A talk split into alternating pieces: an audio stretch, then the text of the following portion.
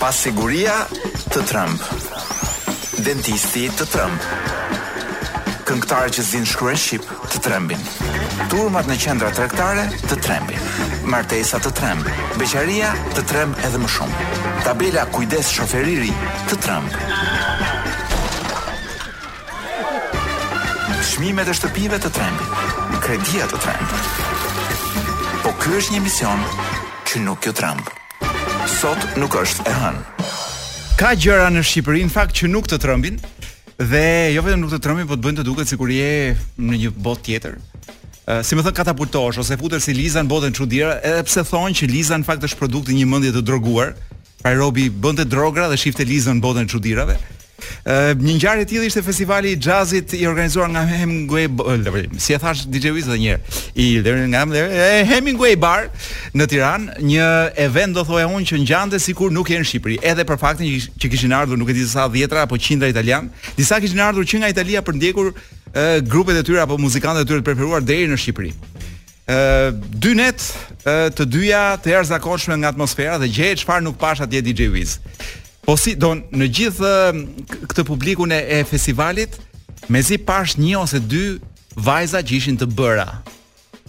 Pra të, të, nga këto të mbufatmet me buzra, me me mollza, me gjëra. Sepse ka gjë ka gjë shumë të rëndësishme që ky lloj publiku në fakt shkon në një vend tjetër, nuk vjen për të dëgjuar jazz sepse pavarësisht buzëve dhe faqeve nuk është dhe aq i sofistikuar sa mund të mendohet. Pra, një gjë tjetër që të shkosh për t'u larguar nga këta njerëzit me me buzë të fryra. Pra ti shkon në një koncert jazzi thjesht për të qenë një periudhë kohe larg tyre. E i njëjti fenomen ka ndodhur edhe në festivalet e rockut, ku të gjitha ato gratë atje nuk ishte asnjëra e bërë. Nganjëherë nuk lyejnë as flokët, më di, imagjino. O Naturel. Ky ishte Mannarino, ju siguroj që ishte akoma më i mirë live se sa, do të thonë, kështu i regjistruar. Ë, me një lloj kështu emocioni, një lloj rrugaçi romantik, kështu ç'të them. Të gjithë femrat aty DJ Wiz në festival u shkrinë pas këtij. Sa mirë që nuk ndenji shumë sepse mund të kishim orgazma të pavullnetshme mes publikut. Do të kalojmë menjëherë tek lajmet e javës së kaluar, është hera e fundit dhe janë lajmet e fundit që lexoj për këtë sezon. Meqenëse Sot nuk është e hënë mbyllet këtu dhe rihapet në shtator, besoj. Çfarë ka ndodhur ndërkohë që ju keni qenë në gjumë ose në plazh? Po kemi këtë sulmin kibernetik tashmë i famshëm. Ë Rama ka thënë që është agresion i organizuar, dyshohet për dy shtete që kështu meqenëse kryeministri na i lë si gjëegjëza janë duhet të jenë siç janë thashethemet Irani, Rusia, ç'rëndësi ka. Ë, por fakti që ne nuk fakti që mund të jenë dy shtete nuk na jep asnjë lloj ngushllimi për gjendjen e sigurisë sonë kombëtare. Nga ana tjetër po kryeministri, meqenëse ju keni ikur me pushime, kryeministri është i vetmi që ka ngelur në qytet, kështu që ai i bën lajmet. Ë nuk tërhiqet nga amnistia fiskale. Paragjykimet ka thënë nuk i pranojmë. Tash ky paragjykimet nuk i pranon. Kritikat nuk i pranon. Lëvdatat vdes, i do me shumicë. Thoni po deshët që kryeministri Rama nuk është Kim Kardashian-i shqiptar. Tension në kuvend, Berisha i afrohet Ramës te karriga, o burracak pika pika të tjera. Më vjen shumë keq që këtë tension nuk e ka parë njeri sepse keni qenë të gjithë duke luftuar me motoskafet nëpër plazhet apo nëpër moçalet e Shqipërisë. Një lajm tjetër që ky mund t'ju interesojë, privilegjet e deputetëve deri në 1500 euro në muaj për dieta. Pra imagjino kur çojnë faturat e ku di unë që ka vënë shuallin këpucëve gjërat e tjera domethënë kush di sa u shkojnë. Dhe unë them që ta fusim si valutë këtë. Ë për shembull, sa bën kjo makina? Kjo është 3 dieta deputeti. Sa e ka qiranë ky apartamenti? Gjysmë ose çerek dieta deputeti. E kështu me radhë. Dhe ta fusim si monedhë dhe sigurisht që simboli i kësaj valute Kush mund tjetër përveçse silueta e Ulsi Manjës. U puthën në makinë, lajmi tjetër e keni marrë vesh besoj sepse edhe kur jeni në plazh njeriu nuk mund të rrijë pa lexuar gjëra për puthjen në makinë. Dy policë të Vlorës. Tani nëse ka qenë puthje nga dashuria apo kanë qenë ka, ka qenë kamuflazh, sepse po kalonin po themi hajdutët dhe këta nuk donin të kuptoheshin që ishin policë. Nuk e di. Ë, uh, por në rastin më të mirë është një adaptim sado i dobët shqiptar i Romeo Zhulietës. Nuk ka Montag dhe Kapulet, ka policinë e shtetit. Vlon dashuria në policinë e shtetit, ç'të themi. Irani ndërkohë, ndërkohë që sulmon neve, ka ka pasur kohë edhe për të konsideruar një projektligj të ri, ky m'u duk shumë interesant, i cili i ndalon qentë Pra, të ndalojnë qentë në gjithë Iranin se si do i ndjekë dhe ku do i gjurmojnë dhe çfarë do bëjnë nuk e nuk ma merr mendja. Ë, por me justifikimin se qentë janë simboli i perëndimit. Domethënë, ë, kjo kafsha e vockë e gjorë domethënë e vockël s' është gjithmonë, ë, po që ka qenë si me thënë ai bishti i njeriut që nga prehistoria, domethënë ai që hante gjithë mbeturinat tona, qeni, na qenkërka simboli i perëndimit të lig. Ama nga ana tjetër, armët bërthamore që janë simboli i vërtetë i perëndimit të poshtër, në Iran kanë përparësi më shumë se çdo gjë tjetër. Ç'të them? Irani le të themi që i ngjan Shqipërisë në ca gjëra. Po shteti kam dëgjuar që funksionon më mirë. Dhe kur vjen puna për sulme kibernetike, ata kanë takat të na bëjnë sulme neve, neve s'kemi takat t'u bëjmë sulme atyre. Ë dhe një lajm muzikor ah po mund ta lexoj edhe më vonë. Ë çfarë kemi këtu? Po, është një lajm për Metallica, do ta themi më vonë. Le ta ndajmë nga lajmet politike, pra dini ta ndajmë vetë shapin nga sheqeri. Ka shumë gjëra që trembin, por trembëse është bërë edhe situata në plazhe. Ë nga gjitha anët vijnë informacione që plazhet e Shqipërisë janë pothuajse bosh. Janë pothuajse, tash sigurisht që ka njerëz aty, ë do arrinë sidoqoftë që kur hedh një kokërr molle në në rërë, sado fort ta gjuash do zërë dikë. Pra nuk është se janë bosh bosh fare. ë por nuk janë siç duhet të ishin apo siç janë plazhet e Turqisë apo të Greqisë apo të Italisë apo të gjithë ë, Mesdheut. Dhe sigurisht që kjo ka shkaktuar një tronditje edhe një dhimbje do thosha unë ekonomike për gjithë pjesën e jugut. Çuditërisht, njerëzve që ua përmend këtë fakt kur dua ta hap si bisedë, fjalia e parë që nxjerrin nga goja është mirë t'u bëhet. Pra është kjo një si lloj shpagimi që ndjejmë kur marrim vesh që mbasi jemi keqtrajtuar, ç'është e vërteta në të gjitha format nëpër ë nëpër plazhet e Shqipërisë, duke filluar që nga dhuna muzikore, ti shkon në 10 të mëngjesit për të pirë një kafe dhe atje është një upsi dupsi që do me thënë të ngre çupthi, ë nuk është nuk je ti që pi gëlltit kafen por është kafja që si me thënë ë llokoçitet brenda teje ë për të mos folur për ë, ushqimin që është shpesh bazik pa shumë alternativë, çmimet e larta absurde dhe shpesh që nuk i ngjajnë dita ditës, shërbimi tmerrësisht i lodhur, ë uh, inkompetent, uh, le të themi pak katunaresk etj etj. Por të gjitha këto nuk më duken arsye për t'u gëzuar me dhimbjen ekonomike të atyre njerëzve sepse është një dhimbje ekonomike që në fund të fundit na kthehet neve në një formë ose një tjetër. Ë dhe në qoftë se një pjesë e vendit vuan ekonomikisht, unë nuk besoj që pjesa tjetër do ndjehet mirë, qoftë dhe moralisht, qoftë dhe ekonomikisht. Ë, mirëpo çështja është pse po ndodh kjo gjëja. Ë, sigurisht që ka një problem me me varfërimin. Shumë njerëz në qoftë se rrinin dy javë, rrinë vetëm 3 ditë në plazh. Një pjesë nuk nuk e kanë mundësinë që të shkojnë fare në plazh. Ca të tjerë i ka reduktuar në vajtje ardhje ditore në Durrës ose ku di unë nga liqeni a, ku di unë ku kanë një pellg me ujë, këtej vërdallë. Por nga ana tjetër informacionet thonë që charterat për në Antalya dhe për ku di unë nëpër Egjipt më duket se sikur nuk shkojnë shumë, po këtej nga Turqia janë plot.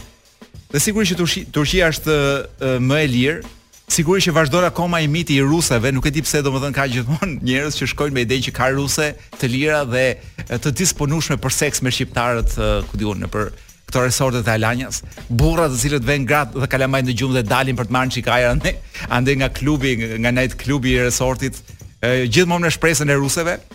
Por unë mendoj që duhet të ketë një gjë tjetër përtej kësaj dhe që ne ta kuptojmë këtë gjë do duhej që të kishim ca njerëz në këtë vend, të cilët paguhen për këtë punë, ministresha e turizmit për shembull, ë nuk besoj se e ka vrarë dhe jam shumë kurioz të di çfarë bën si ministreshë, domethënë, a e vë ujin një çik në zjarr, a preokupohet ndonjë çik? Apo meqenëse erdhën njerëz vjet për shkak të Covidit dhe s'kin s'kishin ku shkonin dhe u përplasën në Shqipëri. Dhe me këtë besoj e ka mbyllur misionin e vet. Pati Covid, ishin plot dhe hajt ta flemë mendjen. Unë besoj që një turizmi i një vendi ndërtohet me strategji shumëvjeçare. Dhe e vetmja gjë që unë nuk shoh në këtë vend është që të ketë një strategji, çfarë duhet bërë, si duhet bërë, çfarë nuk shkon mirë, si duhet përmirësuar etj etj. Tani po i them këto gjëra sepse nuk kam parë njeri që t'ia thotë njeri, pra s'kam parë njeri që t'ia thotë atyre që kanë vesh dhe që kanë mundësi për të bërë diçka me zë të lartë këtë gjë, kështu që po e them unë. Qëllon një herë që u shko, u shkon radio në vendin e gabuar dhe mund të dëgjojnë. Kështu pra, unë them të marrim ministreshën dhe ta kryqëzojmë në mes të sheshit. Edhe t'ia heqim dhe shishën e ujit dhe derisa të na japi gjithë xhevapet dhe gjithë përgjigjet për situatën e turizmit, mos e lëmë të pi asnjë pikë ujë aty në mes sheshit. Le të vuajë. DJ Wiz. Meqenëse e bëmë detyrën tonë qytetare dhe denoncuam ë uh, masakrën e turizmit. E kemi një këngë me vdekje, me disaster, me shkatërrim, siç është turizmi shqiptar nën drejtimin e të madhes, si e ka emrin ministrja se e harroj gjithmonë. Uh, Death Valley Girls. Këtë këngë e dëgjova në një serial Netflixi ë që s'më kujtohet mirë, po ishte spanjoll. Muzikën, kolonën muzikore e kishte shumë të mirë. Pa edhe ngjarje, pa edhe aktorë, gjithë gjërat i kishte shumë të mira. Death Valley Girls. Disaster is what we're after. Ju po dëgjoni mua që jam Koloreto Cukali në Top Albania Radio. E gjithë kënga në fakt ngjante kështu si disaster. Këta ishin Death Valley Girls, i dëgjuat në Top Albania Radio. Ky është momenti kur unë shfletoj një libër dhe lexojmë lexojmë ca faqe që edhe nëse ju nuk keni mundësi që ta lexoni vetë librin, jo se s'doni. Ashtu nuk janë rast, do nuk janë kushtet. ë dhe nuk ju ka rënë rasti. Të paktën thoni që kam lexuar, kam dëgjuar paktën ja dy faqe nga ky libër dhe libri që kam në dorë i fundit për këtë sezon është libri i një ish të burgosuri të kampeve të përqendrimit Viktor Frankl, njëkohësisht edhe psikolog. Një libër i shitur në 12 milionë kopje të paktën në mbarë botën, Në kërkim të kuptimit, është një nga librat, unë do thoja më të rëndësishëm të njerëzimit, sepse e ka shkruar një i burgosur i kampeve të përqendrimit, por që siç thashë është dhe psikolog dhe madje ka dalë gjallë që andej dhe ka dalë madje edhe me një teori psikologjike, ë të cilën e ka zhvilluar mbas daljes nga kampi. Dhe gjithë eksperienca e tij në kamp është jo vetëm rrëfimi i njërit, pra nuk është vetëm njëri që qahet, Por është nga këndvështrimi i një shkencëtari dhe është një gjë shumë e bukur ta lexosh. Po e shpletoj si me thënë ku të ma zërë dora. Ë, ja ku e kam këtu në faqen 32. Gjithmonë i konsideroja të rrezikshme bisedat rreth ushqimit. A nuk është e gabuar të provokosh organizmin me përfytyrime të tilla të detajuara dhe emocionale për gatime të shijshme, në një kohë kur ai, domethënë organizmi, ka arritur deri në një farë pike të përshtatet me racione tepër të vogla dhe kaloritë e pakta. Megjithëse mund t'i lejojë vetes një lehtësim psikologjik të shkurtër, ky është një iluzion që sjell pasoja të dëmshme për jetën fiziologjike. Gjatë periudhës së fundit të burgosjes, racioni ditor përbëhej nga një tas me supë shumë të holluar, që na jepej një herë në ditë, dhe racioni i zakonshëm i vogël i bukës. Përveç kësaj në varësi të ditës kishim dhe të ashtuquajturin porcion shtesë, që përbëhej nga disa gram margarinë ose një margarinë. Mm, Diliviz. Domthon, imagjino po më edhe racioni i një të burgosuri po më bën kështu. Domthon, po më çon mendjen te ushqimi. Pra margarinë tha ky, Ose një fetë sallami të një cilësie të dobët, ose një copë djathë, ose pak mjaltë sintetik, ose një lugë me reçel të holluar. Sa i përket kalorive, kjo sasi ushqimi ishte absolutisht e pamjaftueshme. Veçanërisht nëse marrim në konsideratë punën e rëndë që bënim dhe ekspozimin tonë të vazhdueshëm ndaj të ftohtit me veshje të papërshtatshme. Akoma më keq ishin të sëmurët nën kujdes të veçantë, në thonjza kjo. Domethënë ata që lejoheshin të rrinin shtrirë në baraka në vend që të largoshin nga kampi për të punuar.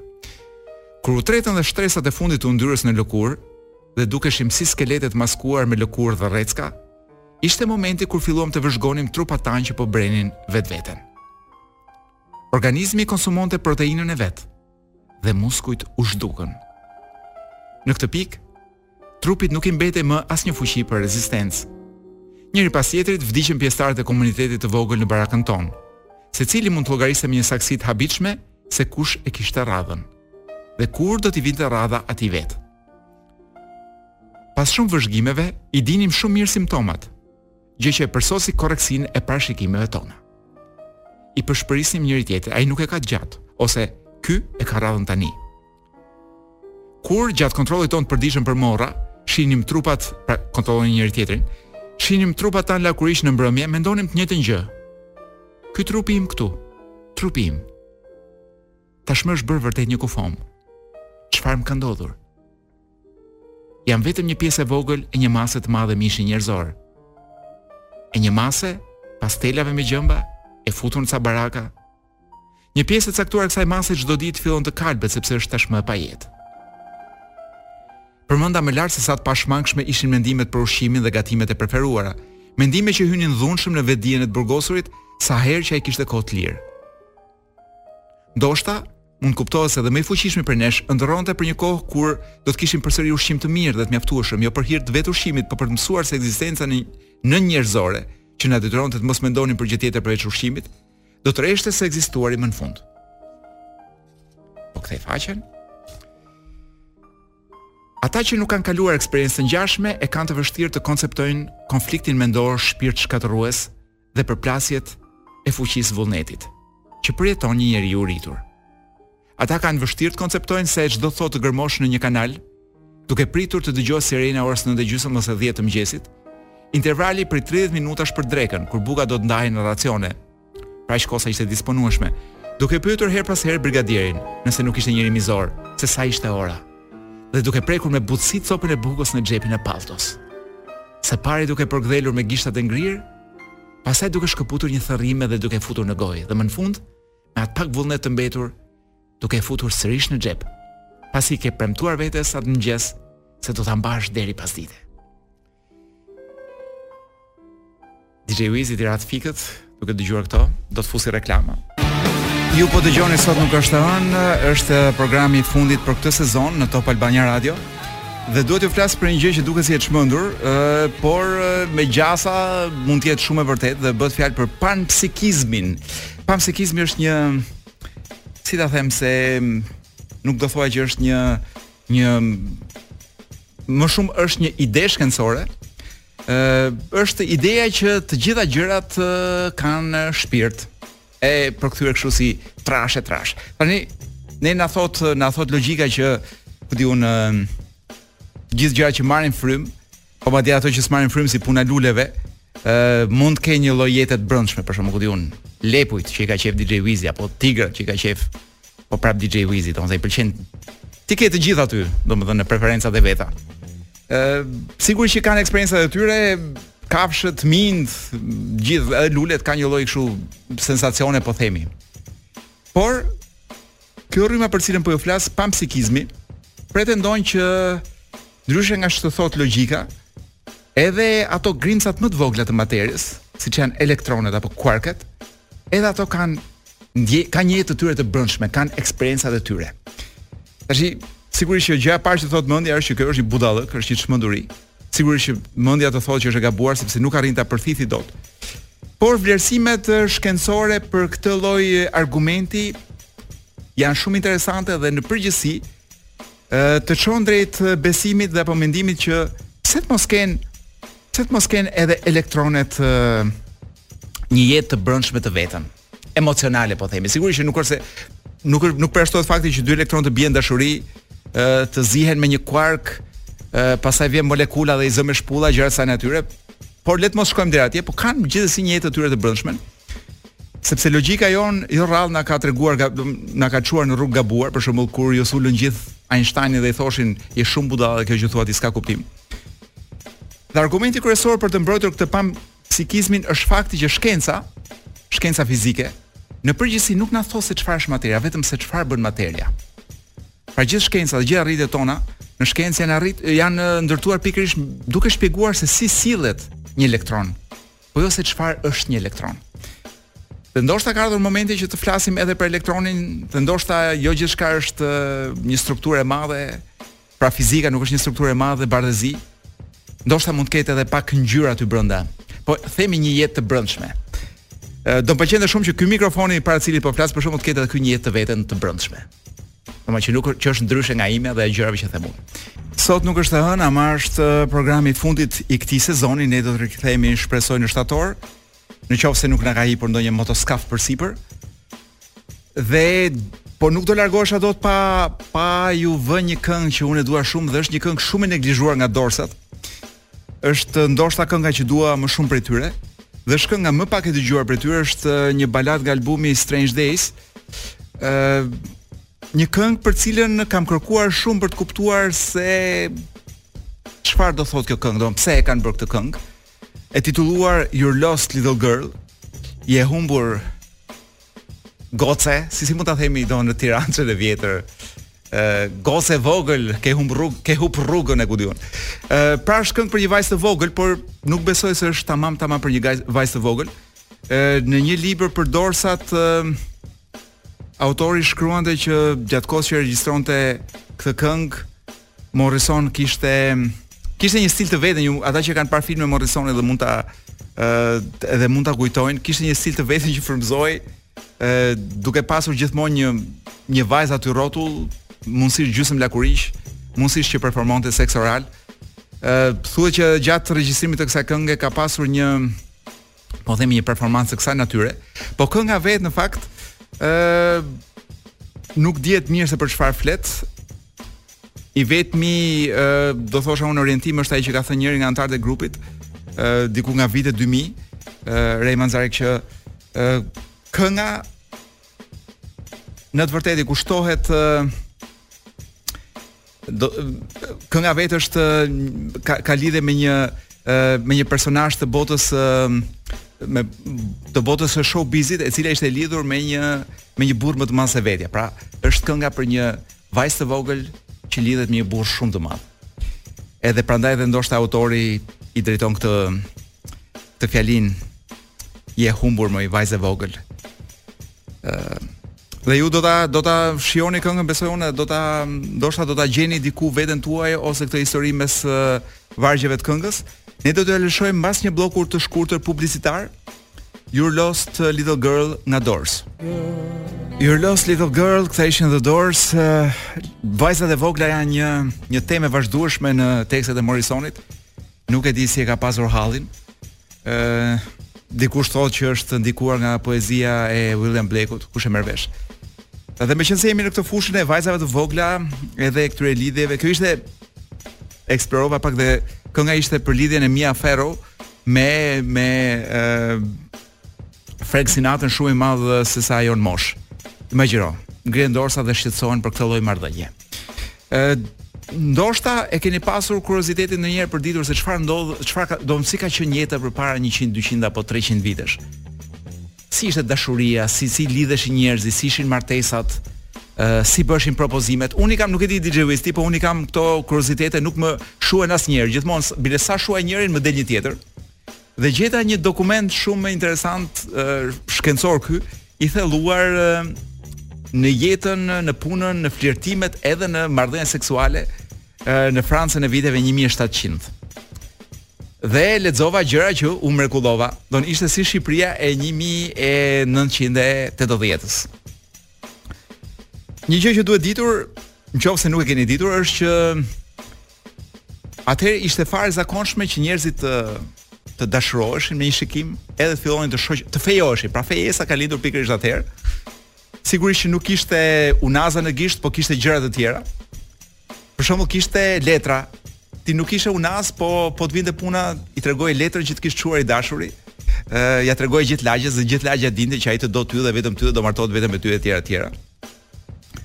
Dhe kishte shumë ë kishte edhe shumë diskutime seksuale mbi seksin.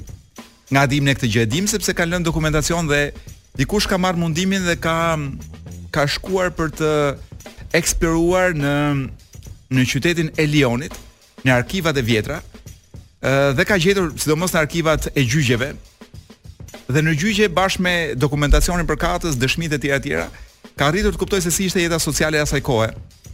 Gjë që ndodhte ishte kjo DJ Wiz. Fillimisht njiheshe, ku do njiheshe, në vendin e punës, ja si unë e ti po themi. Në vendin e punës, njerëzit punonin atëherë në fabrika tekstili ose nuk e di se çfarë tjetër, në manufakturë kryesisht, Burra dhe gra, se duheshin njerëz të fuqishëm të rinj. Ë kishte punë që mund të bëheshin vetëm nga gra, se donin një lloj delikatese, mprehtësie, kishte punë të tjera që kërkonin punë burrash, pra burra dhe gra punonin bashkë. Njiheshin dhe meqenëse punonin 18 orë rresht, ë aty lindte edhe dashuria e madhe. Dhe pastaj burri i premtonte vajzës dhe i thoshte unë do martohem vetëm me ty dhe nuk kam sy për asnjë femër tjetër. Pasi ndodhte kjo, Ky futej tek dhoma e vajzës për të bërë ca muhabet dhe futej që futej te dhoma e vajzës. Aty pastaj e kapte nga duart dhe po e lexoj fjalë për fjalë siç e ka përshkruar uh, aktin në një rast të caktuar ky shkrimtari. Pra ky u fut e kapi nga duart e përplasi në krevat dhe pavarësisht gjithë rezistencës së saj, bëri seks me të dy herë. Ndërkohë që i premtonte që nuk do shkonte me asnjë grua tjetër dhe kjo ishte gruaja e vetme në jetën e tij. Dhe se ajo nuk duhet të kishte frikë. Pas kësaj ata vazhduan ta shohin njëri tjetrin dhe kryenin dhe marrëdhënie seksuale sepse siç shpjegoi vajza më vonë, ajo priste akoma që të martohej me këtë burrë Pra kaq e thjeshtë ishte DJ Wiz, do në thjesht duhej çik dru. Pra me sa kuptojmë, marrëdhëniet seksuale kishin të përfshirë dhe drurin, Ë uh, ishte pjesë e procedurës me sa po lexoj. Ë uh, ama një gjë e mirë është që i gjithë komuniteti, madje edhe gjykata, në qoftë se një grua ankohej dhe thoshte që filani më ka premtuar martesë, më përdori kur thuhet, edhe nuk do të martohet. Mblidheshin të gjithë që ta detyronin atë burrin o të shkonte në burg, o të martohej. Që më duket një zakon më se i mirë. Edhe një lloj, edhe një farë druri do ta ketë ngrënë ai në atë kohë. O nga prindrit e kësaj, o nga prindrit e vet, o nga polici. Ë por përveç kësaj që marrëdhënia paraseksuale me sa kuptoj s'ka qenë gjithmonë e dhunshme. Ë po lexoj dëshmi që çiftet putheshin e shkëlqeheshin rrugëve si pa gjë të keq, nuk shqetësonte asnjeri. Pra nuk ishte asgjë që dukej kështu si e e çuditshme. Dhe mënyra më e mirë për të treguar që ishe një çift dhe ishe i fejuar ishte që të es, ishte që të ecje rrugës çift. Praktikisht pra zonjusha dhe zotria i ri ecnin ngjitur me njëri-tjetrin për orë të tëra, bënin xhiro varavingo.